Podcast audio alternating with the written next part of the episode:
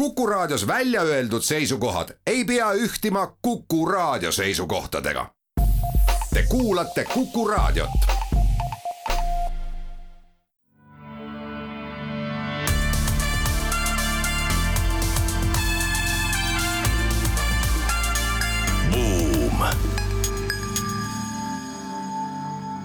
tere päevast, on kaheksateistkümnes mai, kell on saanud üks päeval ning oleme taas eetris Buumi saatega. saatejuhid Anto Liivat ja Ott Pärna. uudisteploki avame täna teadetega sellest, et Apple polegi enam maailma suurima turuväärtusega ettevõte edasi räägime sellest, et tehnoloogiafirmade aktsiad kukuvad ja riskifondid nagu näiteks SoftBank kirjutavad miljardeid korstnasse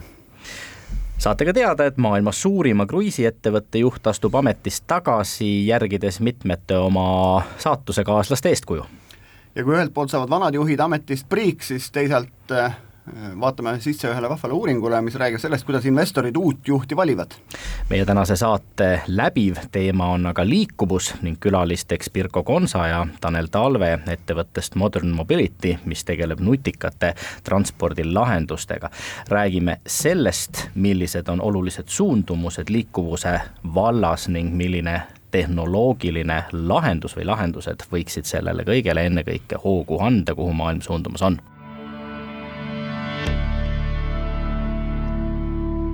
nii nagu lubatud sai, räägime kõigepealt sellest, et Apple ei olegi enam kõige suurema turuväärtusega ettevõte maailmas. nimelt eh, Saudide Aramco on taas Apple'ist mööda purjetanud eh, ja vaatamata sellele, et põneva faktina Apple'i turuväärtus äh, oli äh, hiljaaegu suurem kui kogu Ühendkuningriigi majandus äh, kokku, siis nüüd on ta jälle pisut väiksem ning võtmeküsimus ikkagi, et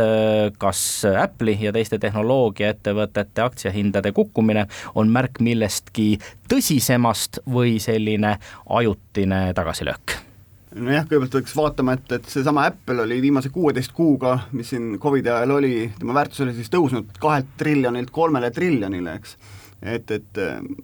võib-olla see tõusulaine on nagu möödas ja noh, siin teised ka, Zoom ja teised, kes siin tõusid, noh, terved börsitehnoloogia indeksid tõusid, eks. et nüüd on lihtsalt selline suur korrektsioon, mida, mida võib teisisõnu nimetada võib-olla ka sellise mulli, mulli purus, puruks minemise minemiseks ja teiselt poolt, nagu me näeme siis, et, et äh, selliselt reaalse varaga seotud ettevõtted, nende nii-öelda väärtusi hinnatakse selle võrra kõrgemalt. No tõepoolest, tuletame siis ka meelde, et aastal kaks tuhat kaheksateist ületas Apple ühe triljoni dollari piiri ning seda polnud maailm kunagi varem näinud. kahe tuhande kahekümnendal aastal ületas Apple kahe triljoni piiri ja tõesti kahe tuhande kahekümne teise aasta jaanuaris kolme triljoni piiri, noh kui nüüd kolme pealt kahe poole peale tagasi äh, kukub, siis äh, midagi väga drastilist siin äh, tõepoolest ehk ei ole, aga teiselt poolt muidugi räägitakse ju ka sellest, et tehnoloogiaettevõtete koroonapandeemiast võimendatud mull hakkab läbi saama no minu arust, mis veel vaadata üldse, see kolm triljonit, noh, see on noh, hoomatamatu number, eks, aga kui me vaatame maailma skp kokku, maailma majandus kõik kokku on kaheksakümmend neli triljonit, eks. ja seesama Saudide majandus on üks triljon, on ju. Apple on kolm korda suurem kui Saudide majandus, on ju. et, et see on selles mõttes nagu noh, ilmselgelt on need väärtused kuskil väga ära noh, seda on üle, üles ajanud ilmselgelt selline vaba raha, mida on turul kolossaalselt prinditud juurde, eks, ja eks kuhugile ta peab ennast ära parkima, et üks võimalus on osta siis ütleme, kesklinnade kinnisvara, mis on viinud selle hinna üles, on ju, ja teiselt poolt siis äh, minna kõikvõimalikele turgudele investeerida kuhugile. ja mida rohkem seal seda kapitali kokku, kokku jookseb, on ju, seda rohkem nii-öelda see mullindub see asi, eks noh, me oleme siin mitu saadet rääkinud samast Tesla aktsia hinnaväärtusest, mis on suurem kui kümme järgmist autofirmat maailmas kokku, kes muuhulgas toodavad maailma enamus autosid, on ju, erinevalt Teslast et, et seal on väga palju sellist asümmeetriat ehk siis korrektsiooni on oodata minu meelest küll. no Saudi Aramcol on hästi läinud, kahe tuhande kahekümne esimesel aastal nad oma kasumi kahekordistasid siin äh, viiekümne miljardi dollari pealt enam kui äh, saja äh, miljardi peale. paistab, et praeguste energiahindade tingimustes ka käesolev aasta tuleb väga kasumlik, samas kui vaadata investeeringuid, mida Aramco teeb, siis ta teeb seda ikkagi nafta puurimisse ja, ja, ja, ja, ja ka maa maagaasi tootmisesse, saates maailmale mingis mõttes selge signaali, et me kavatseme nendest kõrgetest energiahindadest kasu lõigata ja ka rohkem naftat tulevikus turule tuua? jah, et ma arvan, siin on noh, mis üldiselt rahaturgudel, kui me oleme näinud, et äh, siin viimased aastad, kui on toimunud rahatrükk, et siis äh, on emotsionaalselt see raha voolanud äh, hooga tehnoloogiasektorisse, aga nüüd, kus on tegelikult toorainekriis, et siis see raha voolab sealt välja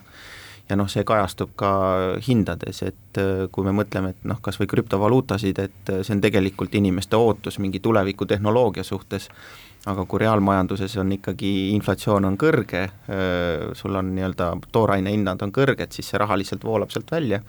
ja kuna need num-, numbrid, noh, nii-öelda hinnad on hästi emotsionaalsed, et siis ta tuleb hooga alla ja ma arvan, pinget on palju, aga tegelikult lastakse lihtsalt õhku välja. aga saudid vaatavad ikkagi ka tehnoloogiasektorisse ju, mitte ainult nafta ja, ja gaasiärisse? jaa, et kogu see piirkond ju täna tegelikult väga tugevalt investeerib sellesse, et seal eh, Saudide puhul eh, on ju sealsamas piirkonnas on tegelikult valmimas päris mitmed tuumajaamad, seal on päris palju on investeeritud kosmosetehnoloogiatesse, biotehnoloogiatesse Saudid näiteks üritavad teha väärtuspakkumist, kuna Euroopas on väga tugevad biotehnoloogia regulatsioonid, et siis olge head tulge ja arendage biotehnoloogiat seal, nii et, et nad investeerivad nafta kõrval väga kõvasti ka teistesse tehnoloogiatesse. No ja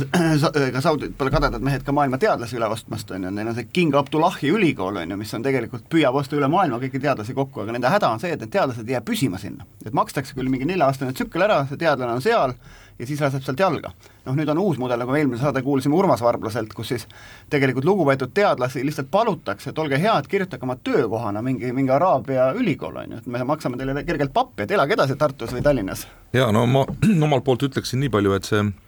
tehnoloogiasektori noh, hetkeline langus on, on olnud ka suht ootuspärane, sest et ega seda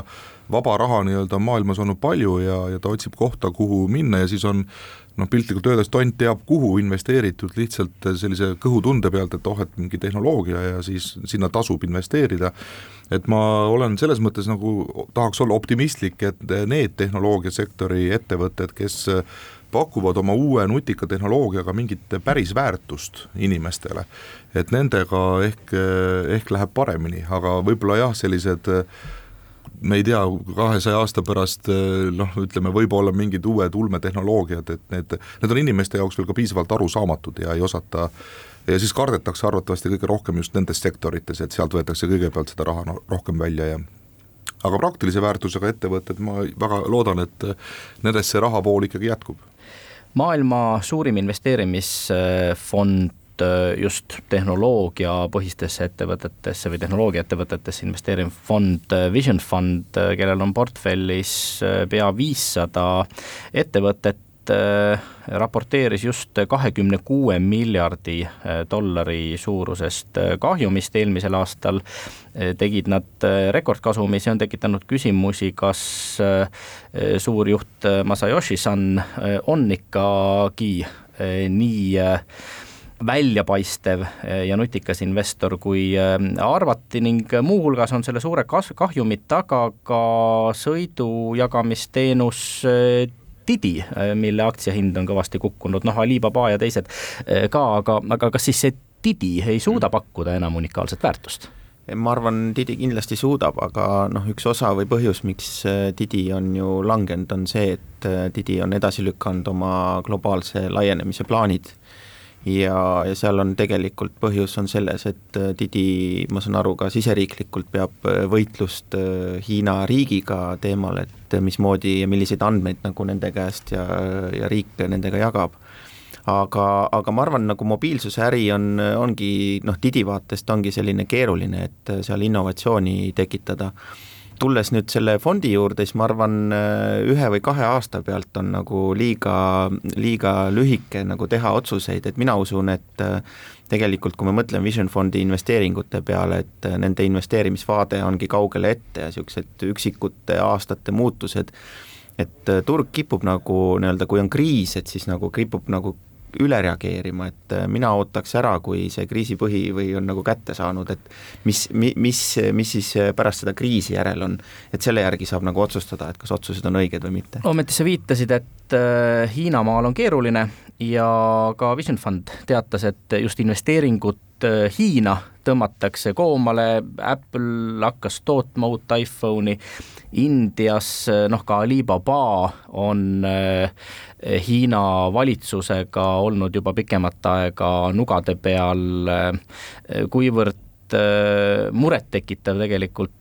see on, et tehnoloogiaettevõtted vaatavad mujale kui Hiina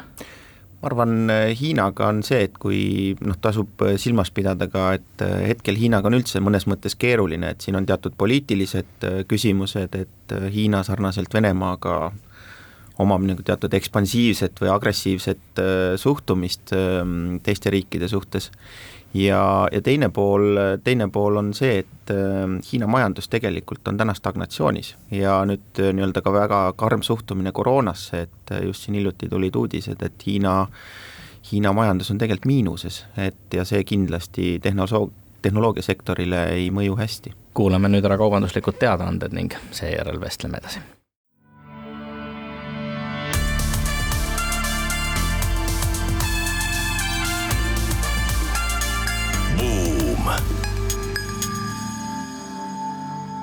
oleme tagasi Buumi eetris, saatejuhid Ott Pärna ja Anto Liivat, meie tänased külalised on äh,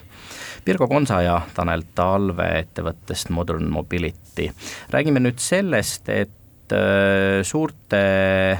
kruiisiettevõtete juhid saavad järgemööda ametist lahti ning oma saatusekaaslaste eeskuju järgib ka Carnivali äh, tegevjuht Arnold Donald, kes on üks äh, väljapaistvamaid äh, valdkonna äh, figuure, suures plaanis oma tööga ju hästi hakkama saanud, viimase viie aasta jooksul on ettevõtte aktsiahind kahekordistunud, aga nüüd hiljaaegu hakanud konkurentidele alla jääma ning omanikud otsustasid, et on aeg teha noorematele ruumi. Jah, et Carnivali näol on tegemist siis maailma suurima kruiisifirmaga, kelle, kelle järgmine tegelane on siis Royal Caribbean ja turul on ka uusi tegija, tegijaid tulemas ja Carnivali juht on ka ainuke mustanahaline kruiisifirma juht. üldse üks väheseid mustanahalisi suurfirmade juhte. ja, ja muidugi ametist sai ta priiks noh, seoses ka sellega, et hakati läbi arutama tema siis järgmist motivatsioonipaketti, mille väärtus oli umbes viisteist miljonit dollarit, et aga ometi samas tema valitsemise ajal on selle ettevõtte väärtus kaks korda kasvanud, vaatamata siis selle eh, Covidi, Covidile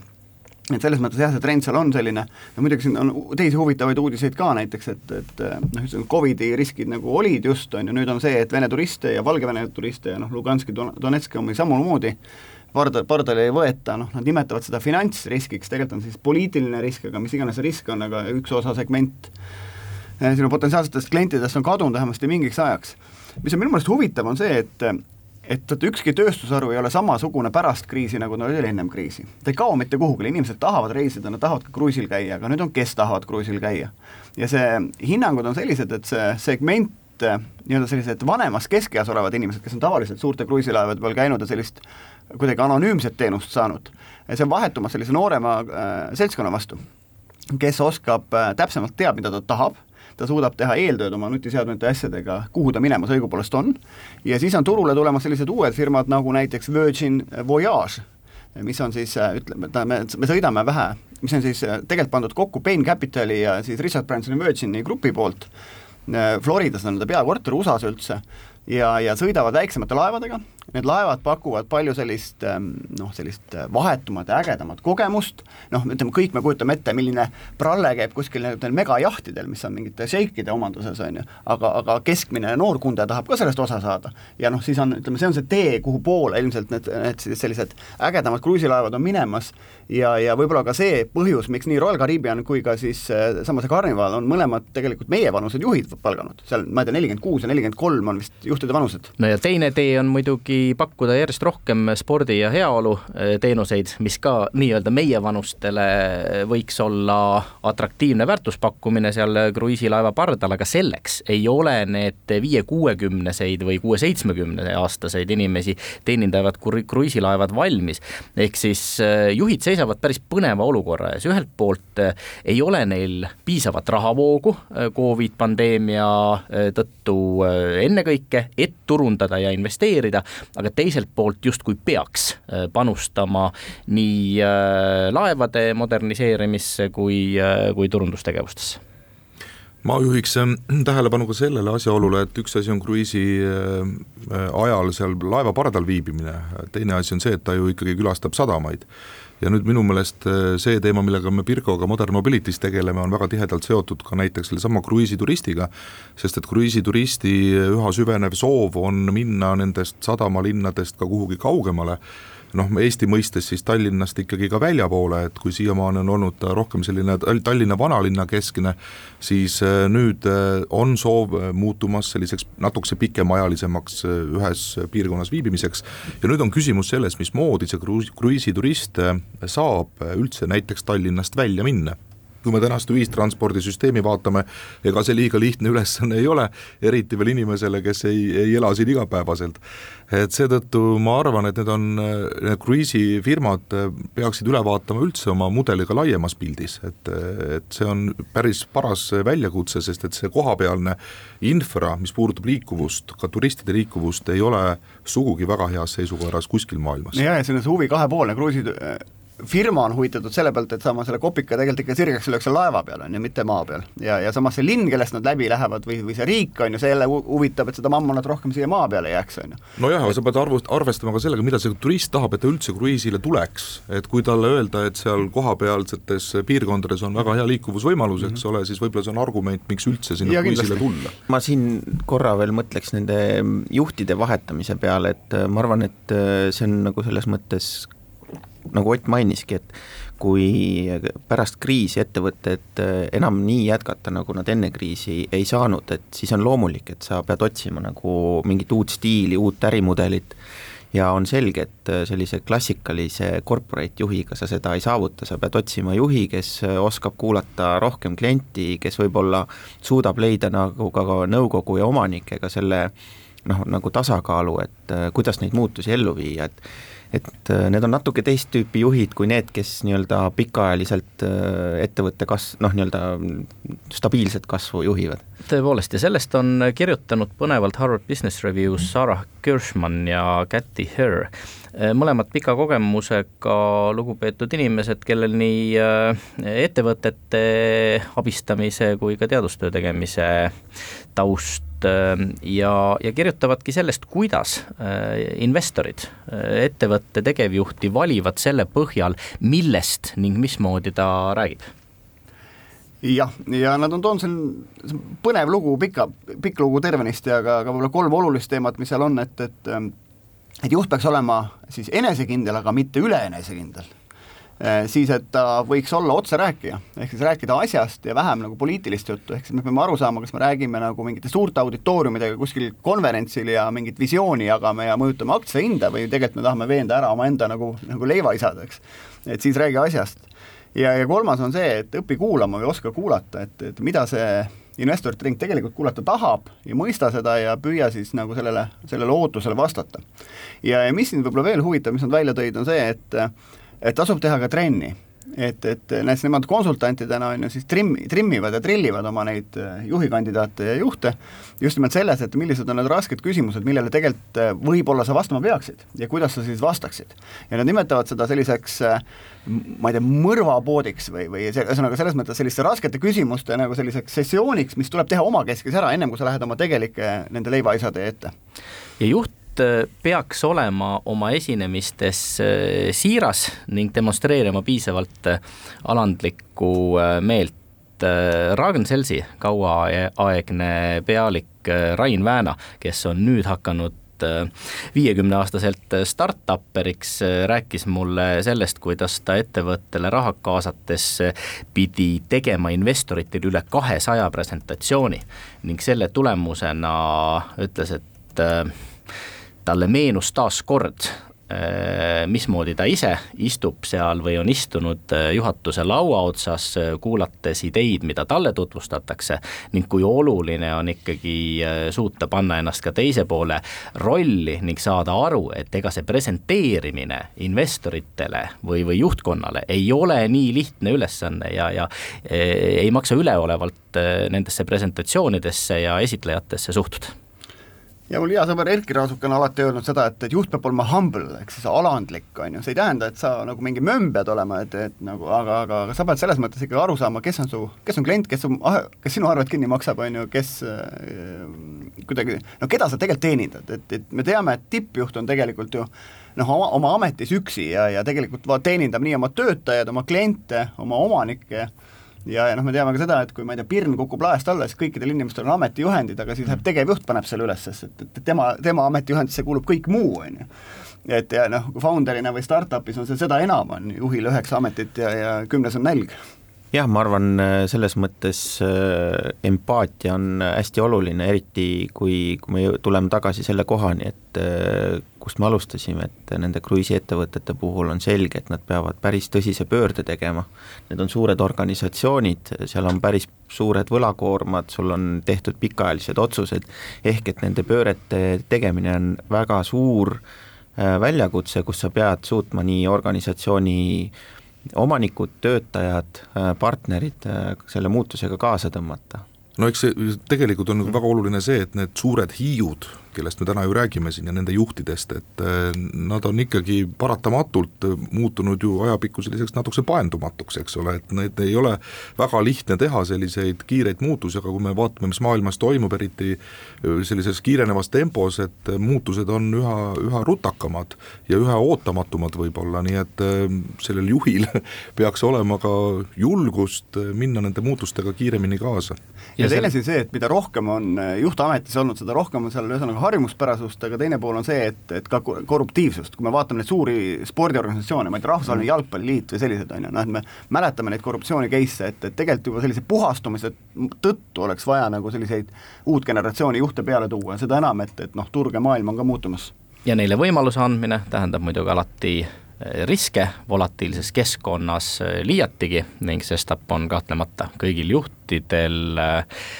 tarbekohane võtta kaasa paras annus alandlikkus, sest isegi eh, kui me teeme justkui eh, kõik õigesti, eh, võib sündida nii, et ajastus ei soosi või et regulatsioonid muutuvad ning alandlik meel aitab meil valmistuda paremini ka nendeks stsenaariumideks, mille ilmsiks tulemist me ei taha ehk kunagi äh, kogeda, aga mis on siiski võimalikud. kuulame nüüd ära reklaamipausi ning seejärel jätkame mobiilsuse teemadel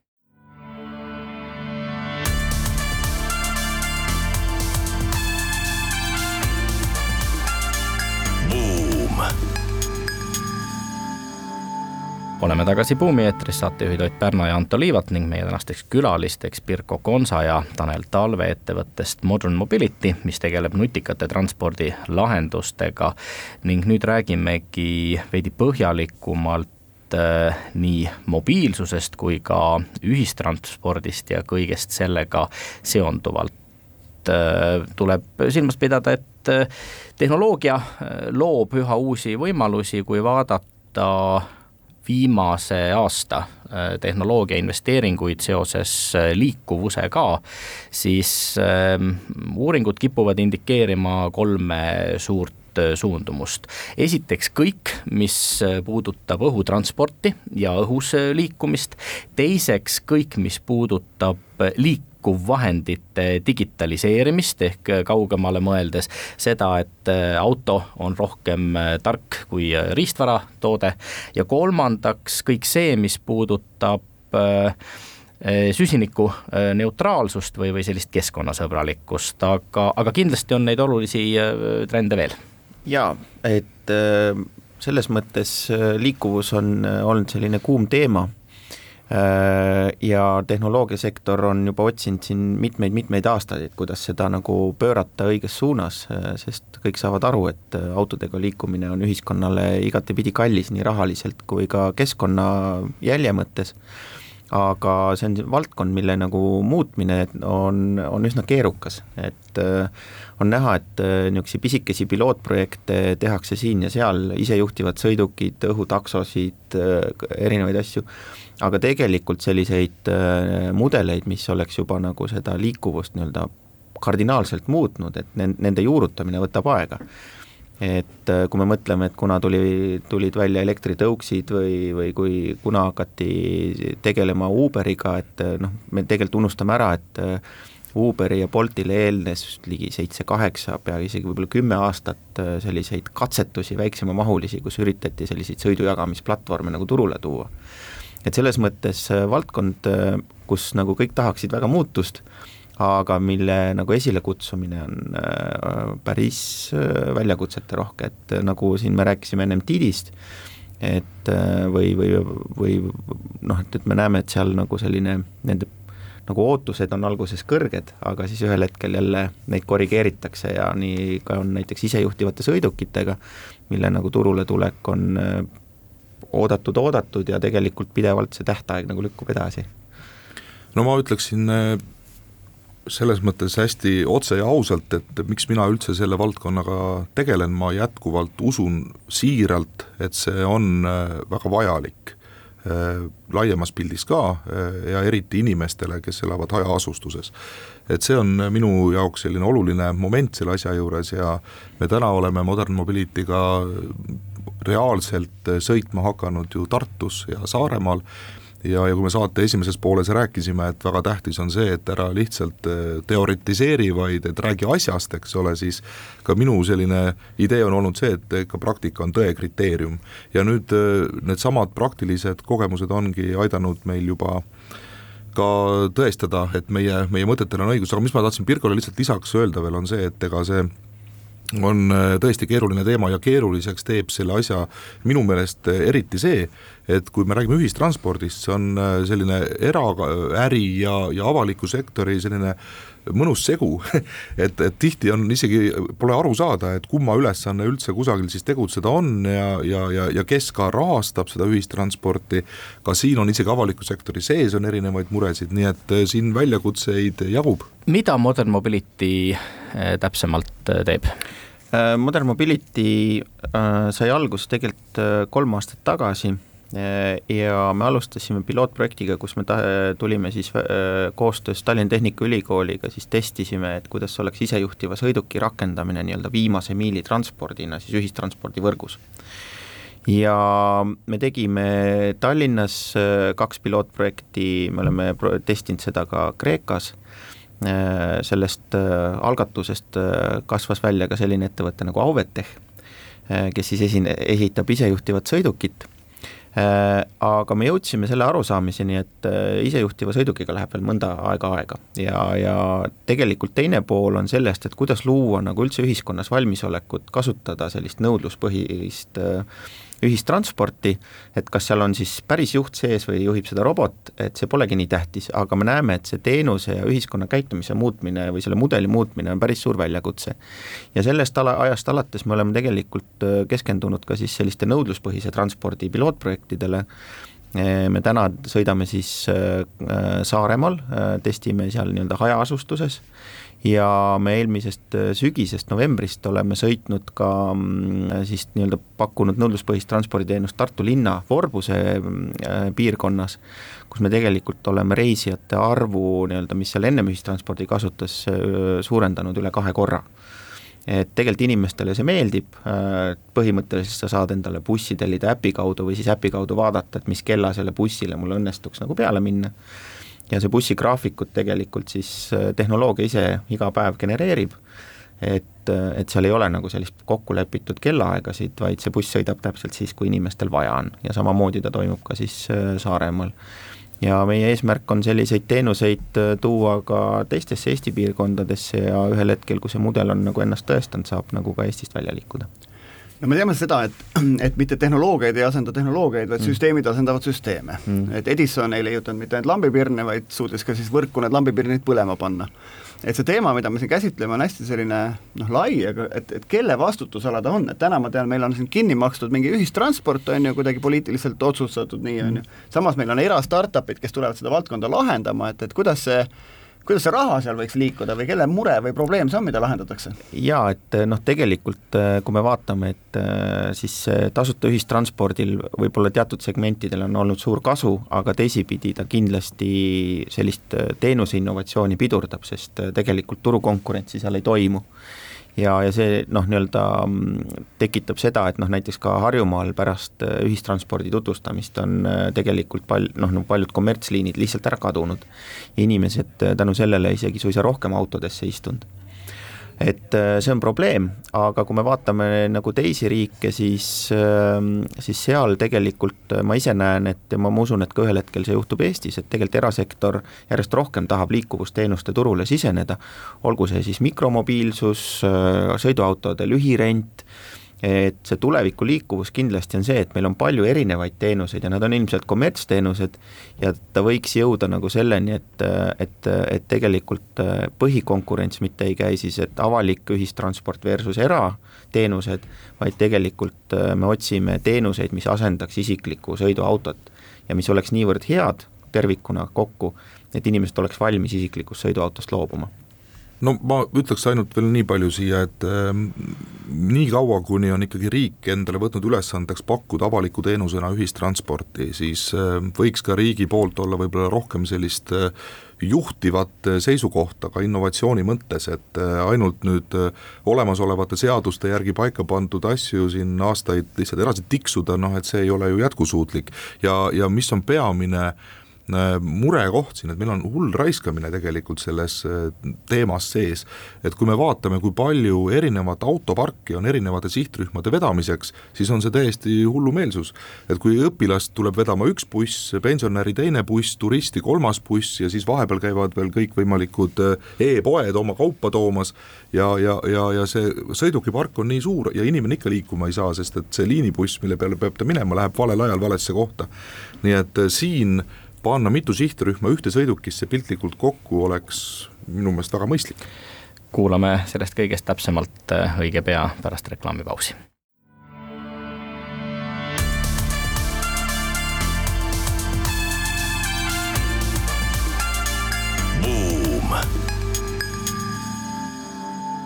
oleme tagasi Buumi eetris, saatejuhid Anto Liivat ja Ott Pärna, meie külalisteks on äh, Tanel Talve ja Pirko Konsa ettevõttest Modern Mobility. räägime nutikatest äh, transpordi ja ühistranspordi lahendustest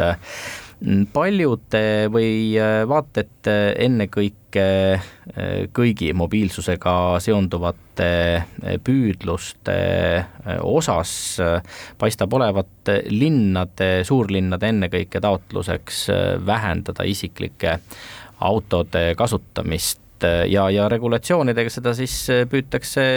saavutada, äh, muuhulgas tehes inimeste liikumine linnakeskkonnas isikliku autoga järjest ebamugavamaks ja raskemaks. kuidas nõudluspõhine ühistransport võiks toimida ja pakkuda ikkagi tõsiseltvõetavat asendust olukorras, kus inimesed on harjunud astuma oma toauksest välja, oma isiklikku autosse sõitma siis, kui nad tahavad sinna, kuhu nad tahavad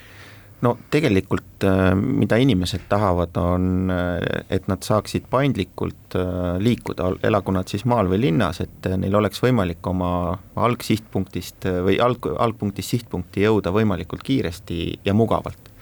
et mis on linnades juhtub, on see, et tegelikult linnad muutuvad järjest tihedamaks ja, ja on selge, et auto, mis, isiklik sõiduauto, mis võtab väga palju ruumi, ei ole efektiivne aga nüüd on küsimus, et mis on need teenused või kuidas teha selle inimese jaoks see võimalikult mugavaks. et äh, mida meie teeme, on tegelikult see, et me püüame just sedasama, äh, seda esimest või viimast miili lahendada nõnda, et inimene saaks äh, kas kuskile mingisse mobiilsuskeskusesse, kus ta saab siis neid sõita trammi või trolli või metrooga edasi, saaks võimalikult kiiresti ja mugavalt, et kogu tema teekond oleks hästi hea. ja tegelikult sama eesmärki me täidame ka maapiirkondades, ehk et me arendame tehnoloogiat, kus inimesed panevad oma tellimused sisse ja me püüame need siis ka omavahel kokku kleepida ühte sõidukisse, nõnda et nad jõuaksid oma soovitud vahepeatusesse või lõppsihtkohta võimalikult kiiresti ja mugavalt ja, ja, ja nii, nii, nii see teenus toimub meil näiteks ka Tartus, kus me sõidame siis nii-öelda Tartu kesklinna ja kust me teame, et inimesed istuvad ümber. Ja, ja, ja mis meil nagu siin näiteks koostöös Tallinna Tehnikaülikooliga on nagu selle aasta sügisel plaanis, ongi, me tahamegi demonstreerida koostöö Rae valla Tallinna linna ja Tallinna Tehnikaülikooli, kuidas Rae vallast on võimalik nõudluspõhiselt sõita bussipeatusesse, bussipeatusest Tallinna kesklinna ja Tallinna kesklinnast sõita viimane miil siis Tallinna sadamas isejuhtiva sõidukiga, et see on nagu see tehnoloogiline pool. ja kõige suurem väljakutse täna ongi see, et kuidas ähm, tihti nagu ühistransport, mis on graafikupõhine, ja see ühistransport siis, mis ei ole graafikupõhine, kuidas nad omavahel kokku sobima panna. ja seda meie tehnoloogia lahendabki ja tegelikult äh, täienduseks Anto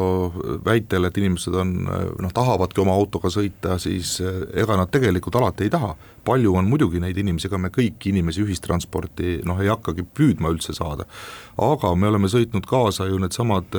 nii-öelda sõiduringid siis nii Saaremaal kui ka Tartus ja rääkinud inimestega, päris kasutajatega, nende lõppkasutajatega. ja seal üks proua Tartus oli minu meelest jube hea näide, kes noh, tuli tõesti kättpidi tänama, ütles esiteks, ma saan nüüd käia tööl, ilma et me peaks oma autot äh, tingimata kasutama, sest et nüüd on paindlik see ühistransport. ja teiseks, minu tütar saab nüüd käia lõpuks ometi selles kunstide koolis, äh, kus ta tahab käia, sest et siiamaani on just huviringid olnud üks suurimaid probleeme ka õpilaste veol, et see õpilaste buss, mis sind koju tagasi toob, ei pruugi väljuda sel ajal, kui su huviring äh, otsa saab või vastupidi, algab, nii et see paindlikkus seal sees on jube tähtis ja inimesed, valmisolek tegelikult ma näen, on olemas. Kasutada rohkem ühistransporti, kui anda neile selline ühistransport, mis nende eh, vajadusi rahuldab. üks eh, huvitav segment veel, kus tegelikult kui me mõtleme selle peale, et noh, mis jälle näitab, et siin on nagu võimalus selles äris, on, on see, et paljud ettevõtted täna organiseerivad oma nii-öelda transporti, et ja seal on nagu kaks eesmärki, et äh, üks, üks pool on see, et äh, teatud äh, noh, nii-öelda inimesed saaks kulusäästlikult sõita, aga teine pool on see, et need paljud ettevõtjad kaotavad enda jaoks potentsiaalset tööjõudu, sest kui nad asuvad näiteks Jüris või, või kuskil Tallinnast väljas, inimestel on ebamugav sinna liikuda ja nad ei lähegi sinna tööle ja nad on nõus päris arvestatavaid summasid sellesse investeerima, et tagada siis see liikuvusteenus. ja täna see toimub puhtalt era, eraalgatusel, sellepärast et nõudlus on olemas. jah, ja siin on ju ka tegelikult seesama mure, et mm. on erinevad ettevõtted ühes samas piirkonnas, eks ole, ja igaüks on organiseerinud oma bussi nii-öelda oma töötajad tooma, noh tegelikult noh, taevane arm, paneme nad ikkagi kõik nüüd ühte bussi ja, ja teeme koostööd. et see on, täna on see, Vedas on selle tarkvara nimi, mida me siis arendame, võimaldab seda väga mõnusalt teha ja paindlikult ka ja kogu aruandlust ka eraldi hoida, et kas on nüüd sul ühes bussis mitu erineva ettevõtte inimest või on sotsiaaltranspordi klient, õpilane ja, ja pensionär ühes bussis, kõike saab eraldi jälgida ja raha, rahakotid eraldi taha panna sinna? Ja lisaks sellele ökonoomsuse aspektile, ma arvan, noh Eesti puhul on kindlasti oluline see ka, et me oleme siin just nimelt sellises geograafilises kohas, nagu me oleme, me iga ruutkilomeeter peaks olema inimestega kaetud ehk siis tal on tegelikult regionaalpoliitiline moment ja me Päris näeme, et tänane ühistransport ei suuda meil tagada eh, inimeste jätkuvat paiknemist erinevates regioonides, et me vajame mingisugust nutikamat lahendust nendes piirkondades eh, toimetamiseks. ja, ja teise, teisest küljest vaadates, et, et siis ka noh, majandusteooria räägib sellest, et mida paremini on erinevad piirkonnad või kohad omavahel ühendatud, ka inimesed, on see siis füüsiliselt või sotsiaalselt, seda paremini kõigil läheb. ehk siis ka majandus kasvab tegelikult teises otsas, see nagu tulupool ka kasvab, mitte ainult, et kulupool ei vähene, eks et, et ja, ja võib-olla selle asja heaks näiteks on, et tšehhid tulid välja oma uue sillaga, mis on maailma pikim rippsild, pikkus seitsesada kakskümmend üks meetrit, üheksakümmend viis meetrit orust kõrgemal, ühendades ära kaks mäge. saades sellega, kulutades ainult kaheksa miljonit dollarit ja saades sellega nagu loo, millest kirjutab CNN ja lahendades ära ühe noh, praktilise nii-öelda geograafilise küsimuse, kaks turisti kohta omavahel ära ühendada. Just, ehk nutikus on kindlasti äh, oluline kõigis ärivaldkondades, lõpuks peab ta olema ka kuluefektiivne, kui äh, Eesti äärealadel noh, me teame täna keskmine sissetulek inimestel on kaks korda tagasihoidlikum, kui ta on Tallinnas, siis on ka üksjagu oluline, et inimesed lihtsalt ei sõidaks isikliku autoga ennast vaeseks tänaste kütuste hindade tingimustes. Absoluutselt, et tegelikult liikuvusvaesus kui termin on täiesti olemas ja, ja noh, nii-öelda kui vaadata ka siin Londoni näitel, siis äh, tegelikult äh, kinnisvara väärtus äh, täna tõuseb kõige rohkem seal, kus on head liikuvusteenused, äh, mitte võib-olla isegi sellistes äh, piirkondades, kus võib-olla on kõige ilusam vaade ja, ja see on nagu selles mõttes hea, hea, hea võrdlus. ma olen sellega nõus ja ma ütleks ka noh, nagu selle Eesti mm, koha pealt, et tegelikult noh, nii-öelda pikas perspektiivis see, kui me pa-, parandame inimeste liikumusvõimalusi, see võib tõsta piirkondade äh, nii-öelda atraktiivsust ja võib-olla lahendab ka näiteks probleeme, mis meil tekivad nagu inimeste kuhjumisega Tallinnasse, et äh, pikas perspektiivis äh, sellise noh, nii-öelda, mis võib-olla ei ole kõige ökonoomsem, äh, seal võib olla hoopis palju pikem ja suurem kasu sees. ma ühe asja tahaks hästi kiiresti lisada siia, et hästi palju meie nii-öelda äris küsitakse, et noh, et palju me nüüd kõik raha kokku hoiame siis selle ühistranspordi pealt, ma tahaks rõhutada seda, et tegelikult ei tohiks see esmane eesmärk olla, loomulikult kuluefektiivsus on oluline, aga see, et inimesed paremini liikuma saaksid, see aitab kaasa majanduse elavdamisele, noh, väga paljudes aspektides, nii et see otsene kulu ei ole kõige tähtsam, ma arvan. no nii on ja me oleme tegelikult regioonides ju pihta hakanud sellise äh, kollektiivse uutmisega, et, et linnaväljakud on korda saanud. ja see on teema, millega Eesti oli väljas näiteks Veneetsia arhitektuuribiennaalil. et sama soojaga nagu edasi minna, et kui me siis logistikaga ära lahendaksime, kuidas inimesed sinna linnaplatsile saavad, Simmenit pidama või sealt edasi, ma ei tea, Tartusse või Tallinnasse sõitma,